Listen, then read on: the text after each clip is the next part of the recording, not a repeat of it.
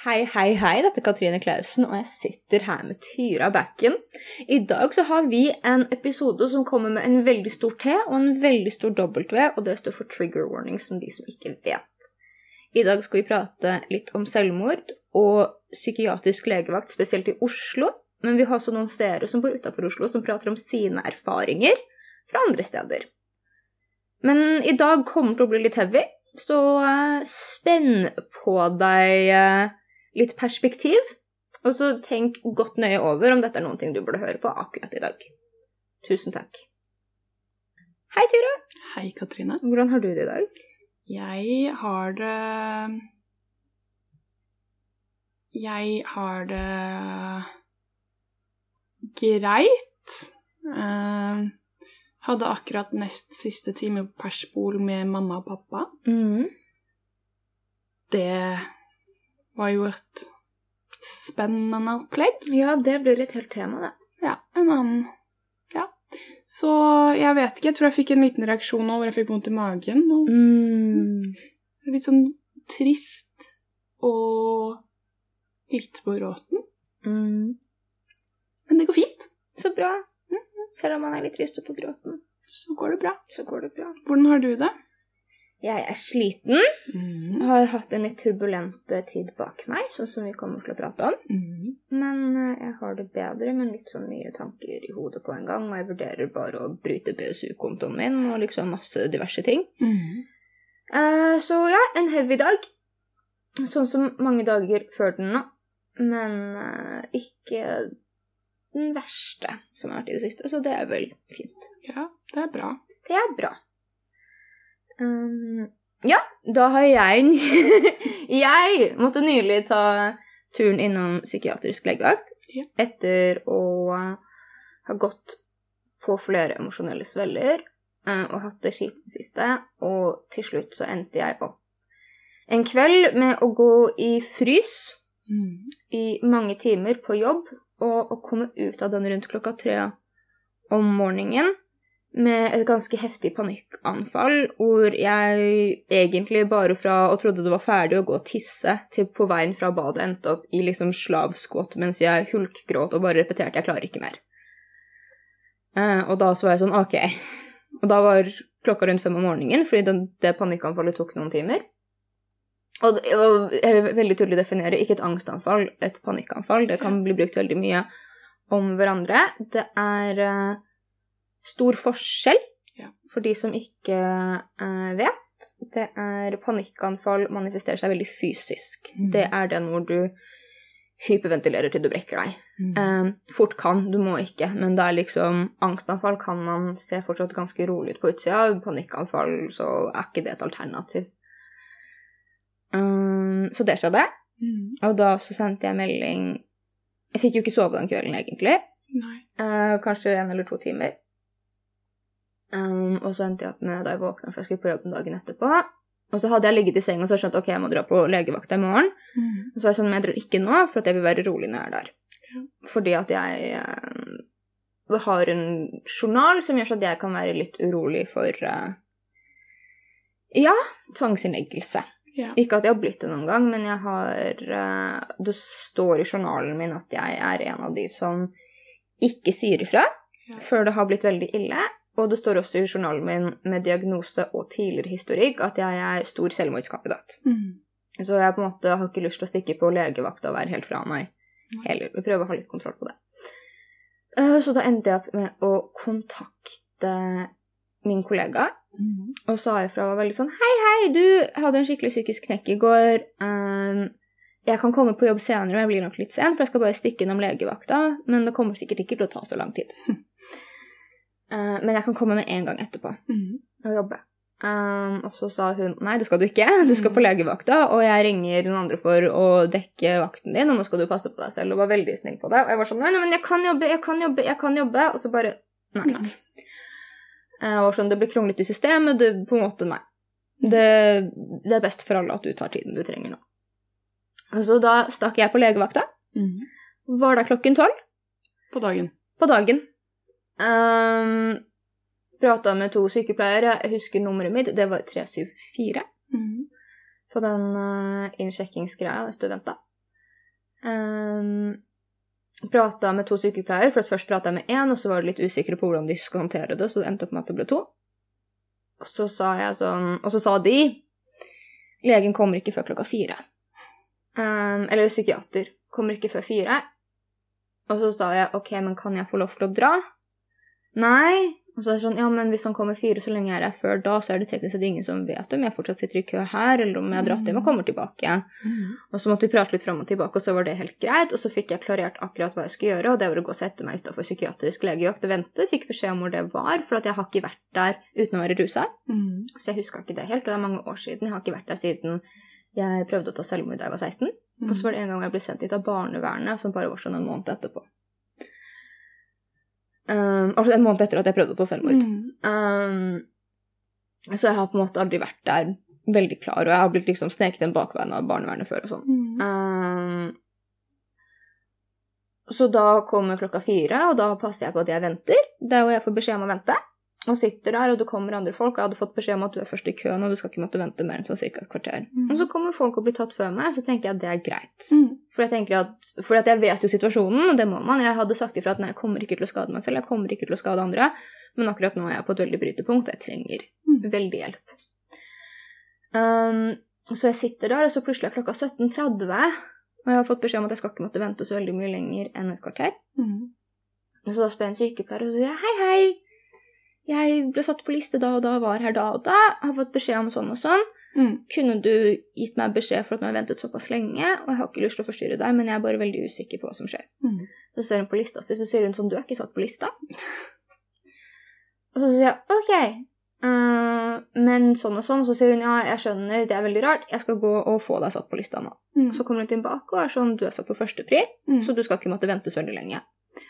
Og plutselig så er jeg tror klokka sju når jeg spør, men jeg dro derfra halv ni. Ja. Og det var etter at jeg hadde venta en halvtime på noe annet som jeg skal prate videre om. Så enten sju eller åtte. Jeg er litt usikker. Jeg tror at jeg spurte rundt sju. Gikk til en annen sykepleier som jeg så holdt på med noen ting. Eh, sa det samme, så sier hun du er ikke på lista. Og så sier jeg ok, men jeg ble, fikk beskjed om at jeg ble satt opp. Bare nei, jeg ser deg ikke, men jeg er en student, så du kan gå og spørre de og de, for jeg kan egentlig ikke Jeg vet ikke hvordan jeg skal hjelpe deg. Mm. Og det var helt greit, for det, hvis hun ikke vet det, så setter jeg pris på at hun er ærlig, istedenfor å bare ja, og så ignorere meg. Så jeg går dit hvor hun gir meg beskjed om, prater med en sykepleier, forklarer hele situasjonen, og så sier hun bare det går ikke, for det var jeg som satte deg på manuelt. Det går ikke hva? Det går ikke at du ikke er på lista, for det er jeg Mm. som satte deg på manuelt. Så jeg fikk prata med hun sykepleieren som Ja. satte meg på. Så hun gikk og sjekka, Mm. og da fant hun meg på lista. Mm. Og så sa hun men jeg skjønner ikke hvorfor du ikke har blitt prioritert, for at jeg har satt deg på, du skal ha hatt førsteplass lenge, og folk har bare blitt valgt over deg. Uh, og er veldig sånn dette er bare å beklage, og dette er ikke greit, og liksom Hun var dritålreit. Mm. Hun var skikkelig, skikkelig skikkelig ålreit, så hun var kjempetakknemlig for. Uh, og hun gikk og sa sånn Men nå går jeg og snakker med psykiateren, for dette gir ikke mening, og dette er ikke sånn det skal være. Mm. Så hun gikk inn, snakka litt med han, og så sitter jeg og venter utafor. Så kommer hun, så sier hun 'kan du bli med meg'? Og så går hun på et privatrom, og så forklarer hun og sier at 'jeg snakka med legen'. Mm. Eh, de har prioritert andre før deg hele tiden. Da jeg spurte hvorfor, så kunne han egentlig ikke svare på det, for han hadde ikke sett på saken din ennå. Og nå så er det så sent at de stenger snart, så jeg har ikke tid til deg uansett, så de sier at du egentlig bare kan dra hjem. Eh, og da begynner jeg å gråte. og prøver å ikke gråte på henne, og sier veldig tydelig til henne at dette er ikke av deg, tusen takk for hjelpen, jeg forstår at du sikkert får mye dritt i jobben din, og jeg liksom Jeg vet at du ikke har gjort noen ting galt, jeg setter veldig pris på det du har gjort, og så sto hun og jeg prata litt fram og tilbake om det. Hun bare ja, ja, men jeg er vant til å bli kjefta på for at jeg er på en måte ansikt. Og så sa jeg sånn ja, men jeg er uenig i den logikken de menneskene har, da, for du har faktisk ikke gjort noe annet enn å prøve å Mm. hjelpe meg, og det setter jeg veldig pris på. Og så sa hun jeg kan alltids sette deg over på Mhm. Eh, og så sa jeg sånn Ja, men jeg trenger ikke å prate med noen, egentlig. Jeg trenger hjelp til hjelpedistanser, for nå Mm. har jeg gått to år uten psykolog. Mm. Jeg har søkt meg inn på masse ting, men fordi at jeg har fått beskjed om å gå videre til utredning, men de teknisk sett har tatt en utredning for personlighetsforstyrrelser for meg to år siden, Mm. så er det ingen som vil ha meg. Så de sier du kan prøve gjennom x antall år. Og jeg får ikke noe hjelp. Så nå har jeg vært i to år hvor jeg ikke har fått noe psykiatrisk hjelp, og har Mm. trengt det, og har klart meg ganske bra. Ja. Men det har kommet til det punktet hvor det har vært så mye ting som har bygd seg oppå hverandre, og så er vi alle sammen i en pandemi som har vært vanskelig for mange, og så har det vært masse andre private ting. Og Så jeg på en måte sier til henne sånn at jeg Uten hele den introen jeg nettopp ga. men jeg sier til henne sånn at jeg trenger egentlig ikke prate med noen, men jeg har ventet på hjelpedistanser så så lenge, og jeg får ingenting. Og jeg har fått beskjed av DPS at jeg skal søke videre om x antall år. Eh, så jeg har ikke noe å gå til. Nei. Og jeg har ringt lege, og jeg har ringt uh, Nydalen døgnservice, kom ikke igjennom. Mm.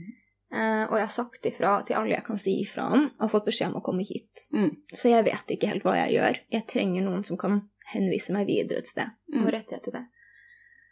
Og så sa han at jeg skal prøve å kontakte en allmennlege til deg. Og så da satt jeg og venta, og så venta jeg en halvtime, og da satt jeg på vanlig allmenn med folk som liksom klagde over at de hadde vondt i beinet og sånn. Og, jeg, og det er helt greit, for om du har vondt i beinet, så skjønner jeg at det er kjipt å sitte og vente lenge på legevakta, men jeg husker at jeg satt der og bare gikk i oppløsning flere ganger, og så måtte jeg roe meg ned og holde inne, og så er det på en måte for at det er jo flaut Ja. å sitte foran masse folk du ikke kjenner og hylegråte på legevakta, Mm. og prøve å holde tårene inne. Og så jeg til slutt bare gikk tilbake til den skranken, og da var hun sykepleieren på telefonen. Så jeg sa ifra til en annen sykepleier og bare sa jeg har fått veldig mye hjelp av liksom hun som står der. Mm. Kan dere si ifra til henne at jeg går? Mm. Eh, for at akkurat nå så klarer jeg ikke mer. Men jeg vil bare at hun skal vite at jeg drar. Um, og så stikker jeg. Mm. Og så prøver jeg først å gå hjem, for det er en fredag kveld, og det er masse folk da i byen, og jeg har ikke lyst til å bli sett på, for at jeg har liksom blodsprengte øyne, ser helt jævlig ut. Så jeg bestemmer meg for å gå Akerselva. Og så kommer det opp en dame til meg, og jeg ble bare så Åh! for at hun var på et fotokurs. Og hun lurte på om hun kunne ta bilde av meg. Nei, seriøst? Mm. Og jeg har gått til media, så jeg vet at man spør ikke liksom de som ser fine ut, man spør folk som ser uh, interessante ut. Ja. Det, for da får man interessante bilder. Og jeg liksom er sånn Ok, jeg har nettopp sittet og hylgrått hele dagen. Jeg har display vært på display, hatt det helt jævlig.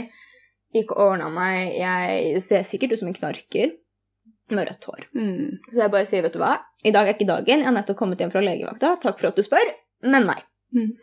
Så jeg går, og så etter det så føler jeg meg så iakttatt i bare det å gå hjem. Ja. Uh, for at noen kommer opp og spør om de kan ta bilde av Ja. meg. At jeg til slutt bare ringer en Uber Mm. og går Akerselva bare vet du, jeg driter så jævlig i det. Jeg må bare komme meg hjem. Um, og så er det så masse folk i byen at det tar jo liksom sju minutter Mm. å stå og vente. Um, men det er ikke snakk om at jeg vil gå et sted hvor det er mye folk, og det er ikke snakk om at jeg tar buss eller trikk Nei. eller what fucking ever T-bane uh, hjem. Fordi at jeg vil bare ikke bli sett på mer. Og så kommer jeg hjem, og så får jeg en telefon og bare 'Hei, hei, nå har vi fått allmennlege til deg, men vi finner deg ikke.' Og jeg bare Jeg ga beskjed Mm. om at jeg dro. Og så sa jeg fra bare jeg beklager, men jeg ga beskjed til noen om at jeg dro. Eh, Da du var i telefonen og var opptatt. Eh, Jeg orka ikke mer. Mm. Og så pratet jeg litt med henne om det, og da så var det på jobb igjen dagen etter. Mm. Så det, det var min lille legevakthistorie. Beklager.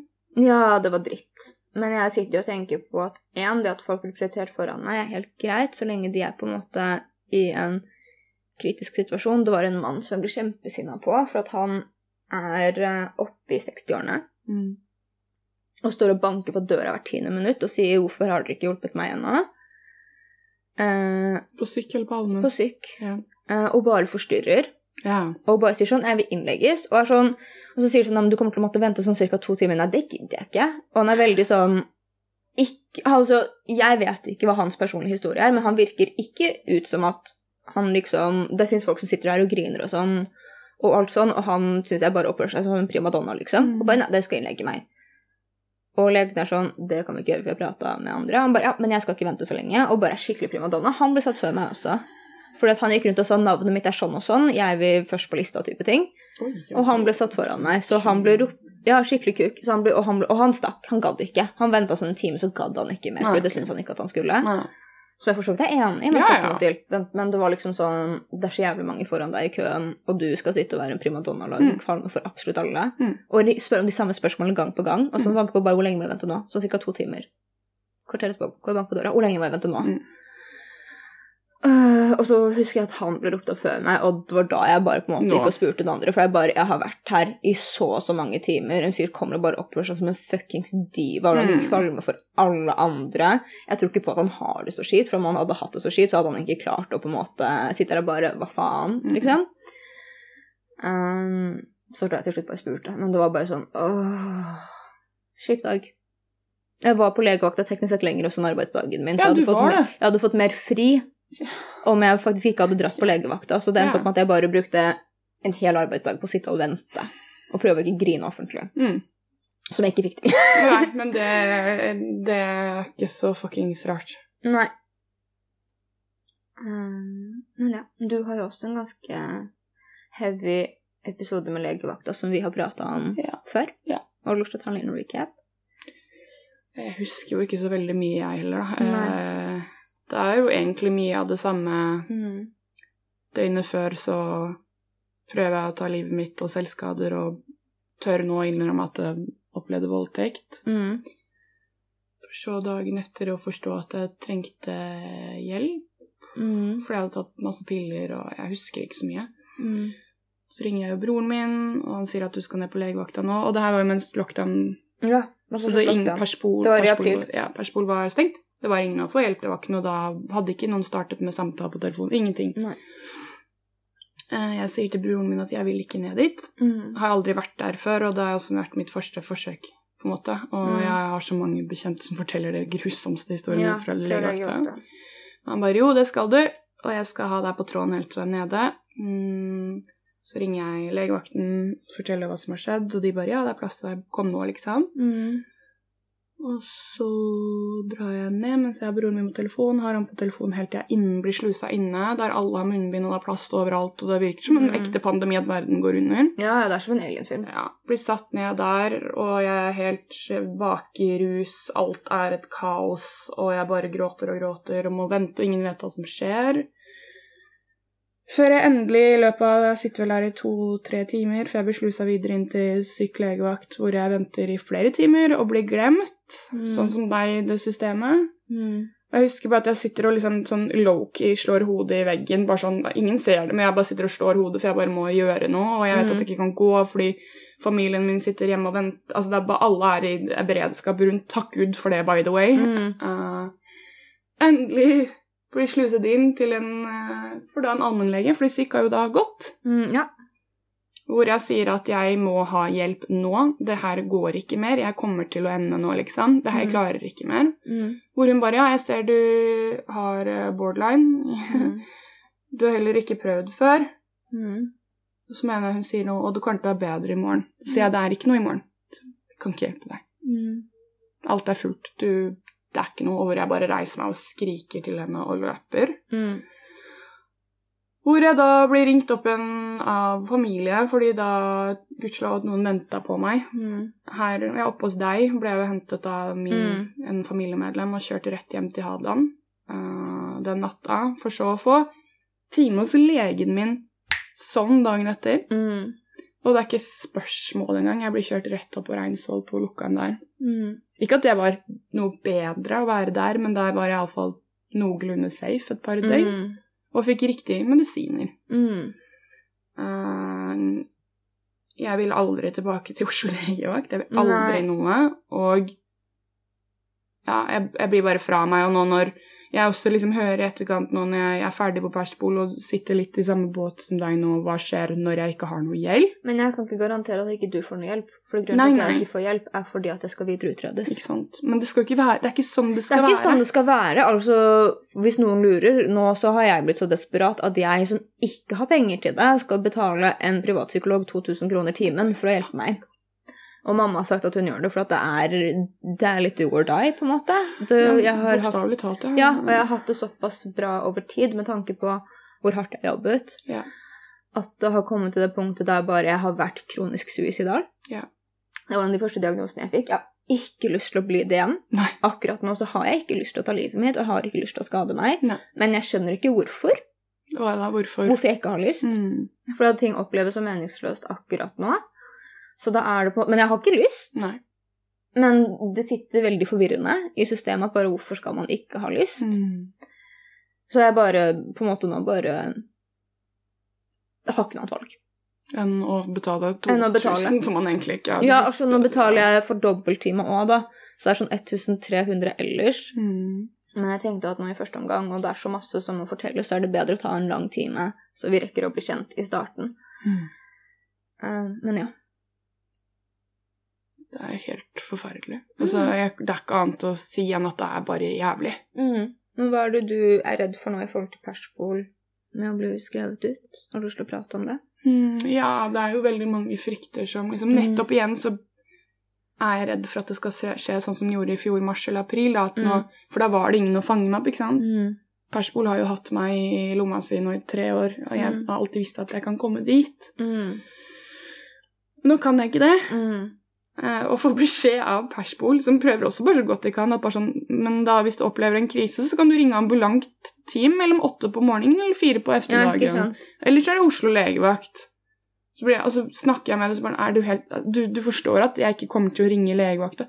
Ja, jeg, og jeg, jeg vet det, Mm. men det er ikke noen andre muligheter. Og når liksom Alle vet det, men psykologer alle snakker om det, det det er et system som ikke funker. Mm. Ja, jeg prata nettopp med en venninne. Sånn dagen etter det skjedde, så sånn det er så jævlig typisk. For det vi sist prata om i gruppa mi, var hvor utilstrekkelig hjelpen er, og at det ikke fins noe, Mm. egentlig. For at hjelpen gjør det ikke bedre. Det er, det er sånn som hadde jeg vært på legevakta og vært kjempesuicidal, og det hadde skjedd meg, så hadde det vært en trigger Ja, som hadde pushet ja. meg enda mer mot det å kanskje ta livet Ja. mitt. Ja. Um, og så takk Gud for at jeg liksom ikke er det, eller var det. Mm. Men det Ja. Vi har også en god del historier Ja. fra andre. Um, og det er ganske heavy, så om denne episoden ikke har blitt for heavy for deg ennå, så kjører vi på med litt mer. Mm. Du hadde først en liten spørsmålsrunde Mm. på din Instagram, hvor du skrev 'Har du kontaktet legevakta grunnet psykiske utfordringer'? Dette kan gjelde deg som bruker eller pårørende. Og da sa 67% ja, Mm. og 33 nei. Du spurte også hvordan erfaringer har du med syk legevakt, Mm. og så sa 43% bra eller ingen formening, og 57% sa dårlig. Og så sa du også om du har kontaktet legevakt pga. syk som pårørende eller bruker, er det sannsynlig at du tar kontakt med de igjen. 32% sa ja, og 68% sa nei, Mm. som sier veldig mye. Det sier så mye, da. Så har vi også da noen personlige erfaringer fra folk. Eh, I forhold til da dette her med å kontakte syk, om man vil gjøre det, og egne erfaringer. Så er det noen som sa 'stoler ikke på helsevesenet som hjelp'. Eh, og at de faktisk ikke var sikre lenger på om Nei. det var verdt det å ta Mhm. kontakt. Og så var det en som var veldig morsom og sa at Popo ambulanse Mm. eh, var det eneste som De går til for å få hjelp. de går til nå. Mm. Vi har også noen som skrev inn og sa ble tvunget ned dit av en bekjent i en Zanax-rus etter å ha selvskaldet alvorlig. Venta tre til fire timer, bare det ene såret ble sydd, selv om det var flere andre i samme størrelse. Og selv om jeg var tydelig fjern og helt mentalt fra meg, ble jeg ikke tilbudt noen form for hjelp videre. Fikk ikke en telefon engang. Ingenting. Jeg innrømte at det var selvpåført, og etc., og de skrev den i journalen min. Men ingenting annet så er det noen som skrev angående syk legevakt. Vi bor i en mindre by enn Oslo, men noen, eh, ved noen anledninger i 2020 måtte jeg som pårørende ringe ambulant akutt-team, eller akuttambulant team, AAT. Mm. Første og andre gang funket det for vår del. Etter kort tid var ting så ille at jeg på et tidspunkt måtte ringe 113 for å skape hjelp, altså i parentes selvskader, Og både politi og ambulanse kom. Det endte med tur til legevakt og videre innleggelse på psykiatrisk. Etter to døgn ble hen sluppet ut med henvisning til å få hjelp på DPS. Det har vært en jævlig tur siden høsten 2020, hvor vi etter hvert ser at AAT ikke hjelper slik det er tenkt, og DPS ikke har nok tid til oppfølging, og fastlege heller ikke. Etter å ha vært innenfor dette systemet og endt opp med to tilfeller av tvungen innleggelse og en frivillig, så fant vi til slutt ut at vanlig legevakt er bedre enn AAT, DPS og, og, og 113. Men om det er pga. de folka som har sittet på telefon da vi har ringt eller ikke, eh, eller om det alltid er slik, aner jeg ikke. Men jeg skulle gjerne vært uten alle de månedene med selvskading som jeg har følt jeg har stått i og måtte deale med, fordi systemet ikke funker. Mellom de store hendelsene med politi, ambulanse, innleggelse, så er det mange mildere tilfeller angst og depresjon her i hus. Jeg har mer eller mindre gått fra å være i godt humør med sykt helsetilbud til å ha sett så mye av baksiden. I Norge er aktiv dødshjelp ulovlig, men for sykt helsevesen så er det lov å ikke hjelpe, så er det lov å ikke gi hjelp som hindrer de som vil dø, fra å dø. Om de ikke har tid, ressurser. Eh, jeg ble så sinna og lei meg på samarbeidsmøte med behandler, psykiater og fastlege at jeg brøt helt sammen på vegne av kjæresten min, med hen til stedet. Fortsett med den gode jobben du gjør, sa de til meg. Men hvor lenge kan jeg klare det, og bruke makt på den jeg elsker for å unngå at hen skal skade seg så mye at hen dør? Eller enda verre, at jeg ikke klarer å hindre hen fra å stikke ut døren her med nøkler og kjøre seg i hjel. Det er ansvaret jeg sitter med som pårørende. Om jeg gir slipp på hen, så er, det skrive, så er det samme som å skrive under på hens dødsdom. Kunne sikkert skrevet en, av, en avhandling her om det her, men jeg kan heller ikke gjøre det mot deg heller. I alle fall er det nå etter de siste tumultene her blitt til at hen får fast antidepp og antipsykotika, beroligende og sovemedisin ved behov, ellers time på DPS hver 14. dag, time til lege to ganger per måned, kommunal syk skal inn én gang per uke for oss, eh, for å ha samtale hjemme hos oss, ellers er det tid for MR denne uken for å få kartlagt mer om eventuelt skader hun har påført seg selv til nå. Og den videre utredning på DPS i nabokommune der psykisk sykehus har avvist utrydningen uh, pga. at den, har, den, var gjennomført i 2015, så det samme som meg. Ja, ikke sånn. Det er så nylig at det har vært ja. uh, en utrydning på det. Men da var hen uh, ikke på noen som helst måte så syk som i 2021. Jeg fatter det ikke. Så nå skal vi nyte de gode dagene med alt vi syns er godt og fint. Og så får vi stå ut i det helvete som er de dagene det dukker opp. Mm. Det er liksom ingenting å si. Nei. Nei. Ser du noen andre som har sagt ikke har hatt kontakt med Oslo legevakt. Men, bodde, men når jeg bodde i Oslo, husker jeg en kveld jeg var i oppløsning etter en selvskadingsepisode, hvor jeg tok motet til meg og trikket ned til legevakta. Sto vel utenfor der i godt over to timer før jeg dro hjem. Legevakten i Tønsberg har jeg hatt ekstremt mye kontakt med, og alltid blitt tatt seriøst, eh, nei, og blitt tatt seriøst fra tid til annen, så ikke mhm. alltid. Psykiske kriser og håndtering av dem er noe legevaktene generelt sett suger på. Jeg hadde en regel på at jeg skulle kontakte legevakt før jeg skadet meg for å få hjelp, men fikk beskjed om at de ikke kunne gjøre en dritt for meg om jeg hadde skadet meg. Uh, og at de ikke kunne gjøre en dritt før jeg hadde skadet meg. Og det eneste de da kunne gjøre, var å lappe meg sammen igjen. Eneste gangen jeg er blitt innlagt via legevakta, var en kveld jeg hadde vært der åtte ganger med relativt alvorlig kuttskade hver gang, så legen som var på vakt, ble irritert og la meg inn på tvang for å få meg vekk fra legevakten, siden jeg brukte opp så mye av kapasiteten. Jeg ble selvfølgelig skrevet ut dagen etter, fordi legene på syk har et drittsyn på selvskading. Mm -hmm. En annen gang møtte jeg legevaktsoverlegen som tok seg tid, snakket med meg, lyttet og satt med meg og moren min i fire til to timer over sin opprinnelige vakt for å kunne forsikre seg med at jeg var trygg. I såpass langt uh, at han skrev ut medisiner legevakta, legevakta egentlig ikke skal skrive ut. Men tilbake til Oslo syk legevakt. Mye av grunnen til at jeg ikke vågte å ta kontakt, var historier slik som den du forteller, og bli avvist på den ene måten krise, personlighetsdiagnose eller ei. Så er det noen andre som skriver hadde egentlig en veldig ok opplevelse på Bærum sykehus en gang jeg poppet sånn jævlig mange Paracet pluss litt andre ting for å ta en pause fra livet. Det som var irriterende, var at de var jævlig pushy på at de ville at jeg skulle gi dem tillatelsen min til å kontakte foreldrene mine. Men jeg innser jo nå at det var for det beste. Jeg fikk til og med lov til å overnatte hjemme, jeg måtte katten min, siden ingen andre var hjemme de dagene. Personalet kunne kanskje vært flinkere på å forklare ting, og ikke etterlate meg alene og sånn men, eh, men den perioden der kunne vært betydelig verre. Så er det noen som skrev under min første krise. De løy om at jeg var voldelig, politiet kom, og jeg ble lagt inn på isolat. Det er noen andre som også ble innlagt på rusakutten bare fordi de hadde hatt problemer med alkohol, og ingen snakket til dem der. Null av ti. Ble kalt en pingle av lege, var på overvåking uten å bli informert om det, eh, og at det var veldig ubehagelig i ettertid.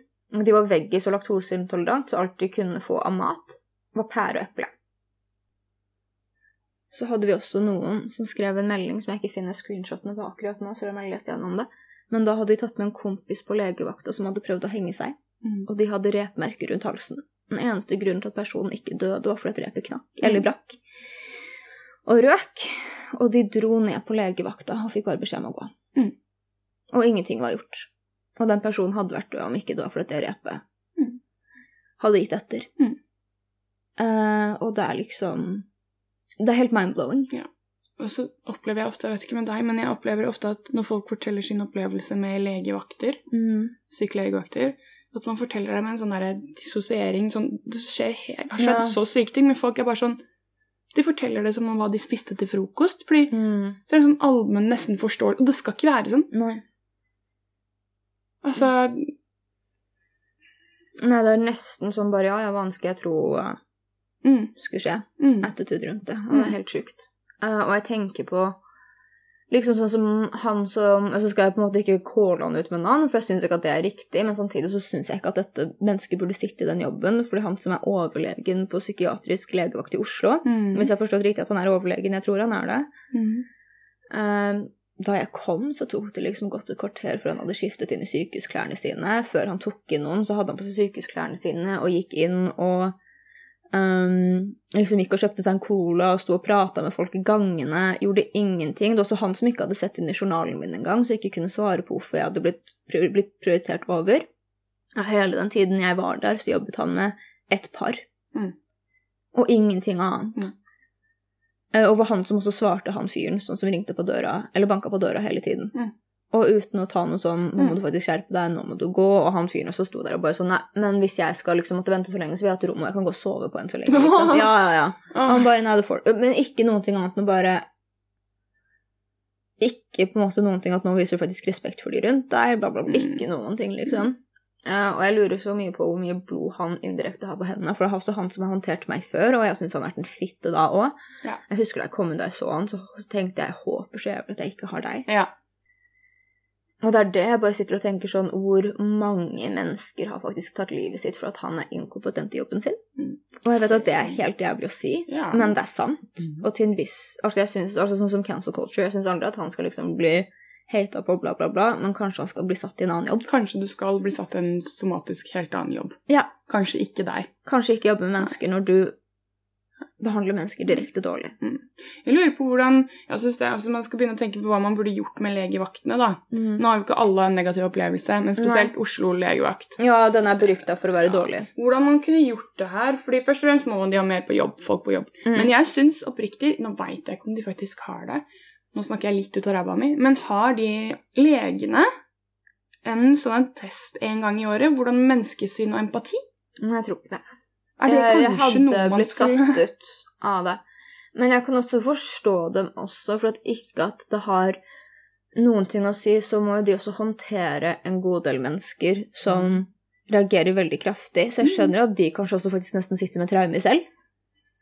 Uh, I forhold til at folk liksom plutselig skjeller dem ut for ingenting. Og det er altså Mesteparten av de som kommer inn på legevakta, trenger hjelp. Mm. Men man kan ikke benekte å si at folk kommer inn der og er rusa og er overdramatiske og lager masse dritt også. Men de har det jo fortsatt jævlig vondt. De har det fortsatt jævlig vondt, men jeg skjønner at etter en viss tid, når noen kommer inn kanskje fem ganger i uka og sier noen ting, og så bare ja, men det har jo på en måte gått bra Jeg skjønner at du blir kald, men det betyr ikke at du kan fortsette med det. Og da det sånn, da må du være i hjelpedistanse for å til og med ta imot de som jobber der, sånn at Ja. ikke de skrur seg av emosjonelt, Mm. for de har jo gjort det. Ja, det er det de gjør. Ja. Uh, virker Og de tar jo sånn. ingen på alvor, og da er det sånn 'Å ja, du har prøvd å ta livet ditt'. Eh, Ja, du gjør det sikkert ja, ikke igjen. Nei. Og om du gjør det, så var du bare en av de få som Jeg husker jeg hadde en venninne, hun har jo ikke skrevet det, for dette er lenge siden. Og hun var skikkelig ille selvskader. Mm. Hun var skikkelig ille selvskader. Mm. Sånn, eh, sånn Hun hadde ofte blodmangel Mm. fordi hun selvskadet så hardt. Mm. Og hun fikk beskjed av de på legevakta om at hun skulle slutte å komme inn for at de ikke hadde nok blod. For at hun måtte komme inn og få blodoverføringer. For Hun hun måtte slutte å komme inn fordi hun... ja, de kjefta på henne for at hun gikk inn etter å ha selvskadet så heftig og mistet så mye blod at hun liksom ble svimmel av å stå. Altså når hun fikk beskjed om at nå må du slutte å selvskade deg så mye, for vi har ikke nok blod til deg når du er egoistisk. Ja, for det, det hjelper jo noen. Ikke sant? Det hjelper kjempemye. Så det endte opp med at hun igjen var en av de som ikke turte å dra på legevakt. Ja. Ja, det er jo ingen som Og jeg har også personlig ringt ambulanse på folk før etter overdoser. Ja. De får ingenting. Ingen, ingen får noe. Nei. Jeg husker at jeg var med en kompis, jeg tror kanskje sånn tre ganger på legevakta, liksom. Mm. Eh, Etter overdose ringte ambulansen. Sittet i ambulansen, vært der klokka fem om morgenen. Ikke at foreldre og jeg har måttet bli pårørende, selv om jeg ikke har vært i kapasitet til å gjøre det. For at ingen andre har på en måte Jeg, da, jeg kom plutselig på min andre runde med faktisk da Hadeland på legen min, liksom. Mm. Hvor fantastisk, og det er viktig å få frem det nå. Etter jeg mista Peter. mm. Um, så jeg husker ikke helt hvordan det gikk for seg, jeg. Men Jeg lå jo bare og skrek og skrek og skrek hjemme, ikke sant. Mm. Det var på en lørdag, dette, jeg husker ikke. Men så er det det at uh, Da ble jeg jo sendt til legen. Det var ikke Mm. noe problem, jeg fikk time med en gang. Igjen, og, tatt, og det var etter legen min var ferdig på jobb, egentlig. Mm. Inn bakrommet igjen. Medisiner og videreføring til innleggelse. Mm. Fordi jeg blir tatt på alvor. Og at det er et lite sted, man har mer tid, virker det. Altså, jeg- Mm. Og Jeg tror at de har sett mindre dritt også. Jeg tror genuint at de som jobber på legevakta, er så underbemanna, de får så lite personlig hjelp. Veldig mange av dem har fullstendig null gnist for jobben sin og ser ned på mennesker som sliter psykisk. mm. Mm. Du blir så prega av det. Jeg tror Du du blir så prega av det at du må på en måte se på folk som sliter psykisk som søppel. Mm. For å bare kunne overleve. Altså, jeg har en form for sympati for dem, samtidig så syns jeg ikke at de skal ha Og noen av dem er snille, sikkert, men han overlegen syns jeg ikke fortjener å Nei, ikke, sitte hun, ikke hun andre overlegen der, eller som er fra Ja, på Vestlandet Almen. Mm. mm. Det var helt merkelig, for da i fjor, Mm. etter jeg hadde møtt på henne, så sier den andre venninna mi bare Så hun sånn og sånn ut? Ja, ja. Bare sånn Jeg håpet det var hun du ikke møtte. Mm. Men det gjorde jeg. Mm.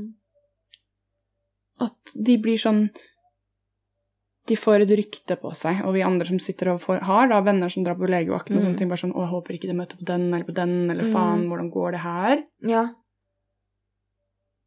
Men Men er det å skjønne liksom helsevesenet at de som jobber innenfor de akutte tingene At det er mennesker som genuint går rundt og rykter på seg så at folk er redd for å dra inn. Mm. Skjønner de hvor ille det faktisk er? jeg veit ikke. Jeg husker at jeg satt der, og da var det en jente som også ble tatt før meg. Sånn på en måte, Når jeg ikke vet hennes personlige historie, så er det greit, men når noen kommer og skal faktisk lage sånn drama rundt seg selv og bare Nei, gi meg et soverom, så jeg kan, gi meg et rom så jeg kan gå og sove på, liksom. Bare, bro, vet du hva, Da har du ikke kjipt nok med deg selv, da har du bare entitlement, så fuck Mm. off, liksom. Og kanskje ikke det er riktig, men det er sånn jeg føler det, for jeg blir Mm. pissforbanna. For at alle andre sitter og oppfører seg pent, og folk sitter og griner og liksom gynger fram og tilbake, Mm. og det er på en måte Du går i, sånn, så- du går i modus for å passe på deg. ja, Altså, ja, ja, og du kommer her og er en kønt og Ja. lager kvalme for alle rundt deg, Mm. da Mm. Så gjør det liksom, nesten. Mm. Selv om det er en helt fucka ting. Altså, jeg vil jo genuint ikke at han skal, men det blir til en viss, Mm. et visst punkt hvor hjernen din bare Ja. Ja. Um, så jeg håper at folk skjønner at jeg liksom ikke vil at noen skal gjøre det, men man blir Mm. nesten sånn pusher tilbake. Eh, men hun var jo for en jente som satt der med meg, som ble prioritert for meg, og det var helt greit. Og jeg husker at da jeg satt på Almen, så kom hun hylgråtende. Eller ikke hylgråtende, men sånn Hun Mm. var helt rød hele trynet og liksom bare helt våt, liksom. Mm. Og bare speedwalka forbi. Ja. Og så var det tydelig at hun hadde nettopp hylgrått og prøvde ikke hylgråte. ja. Jeg husker jeg bare satt der og bare Det er så jævlig fucked up. ja, men det er så, Det er så jævlig jævlig fucked fucked up. Um, men det er kjemperart, for sånn akutt innleggelsessteden for min del pleier å være ganske bra. Mm. Jeg har vært innlagt tre ganger, en gang på akutt og en gang på frivillig, og det er engler, liksom. Ja. Mm. Men det er liksom veien for å komme seg dit, er jo Ja, den er lang og rar og kronglete, og, Mm. og, du, og du må nesten Du føler nesten at du vinner i Lotto, liksom, hvis du får hjelp. Ja, det er kjemperart. Ja, bare sånn der Jeg trakk den billetten. Mm. Ja. Og så er det jo så har du jo helt an på hvilken diagnose du har i epikrisen din nå. Det har også noe å si.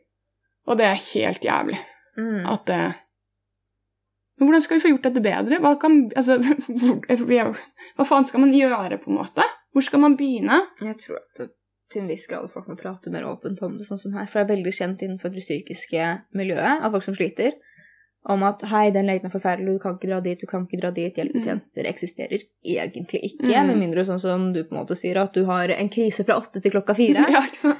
Um, men det er liksom eh, jeg, tror må, jeg tror det er en av de tingene som må gå fra bunnen ned, så er det de som sliter. At faktisk må komme til et punkt hvor man prater åpent om det, og Mm. man blir tatt på alvor. Mm. For dette er ikke greit. Nei. Og folk dør. Ja, folk dør.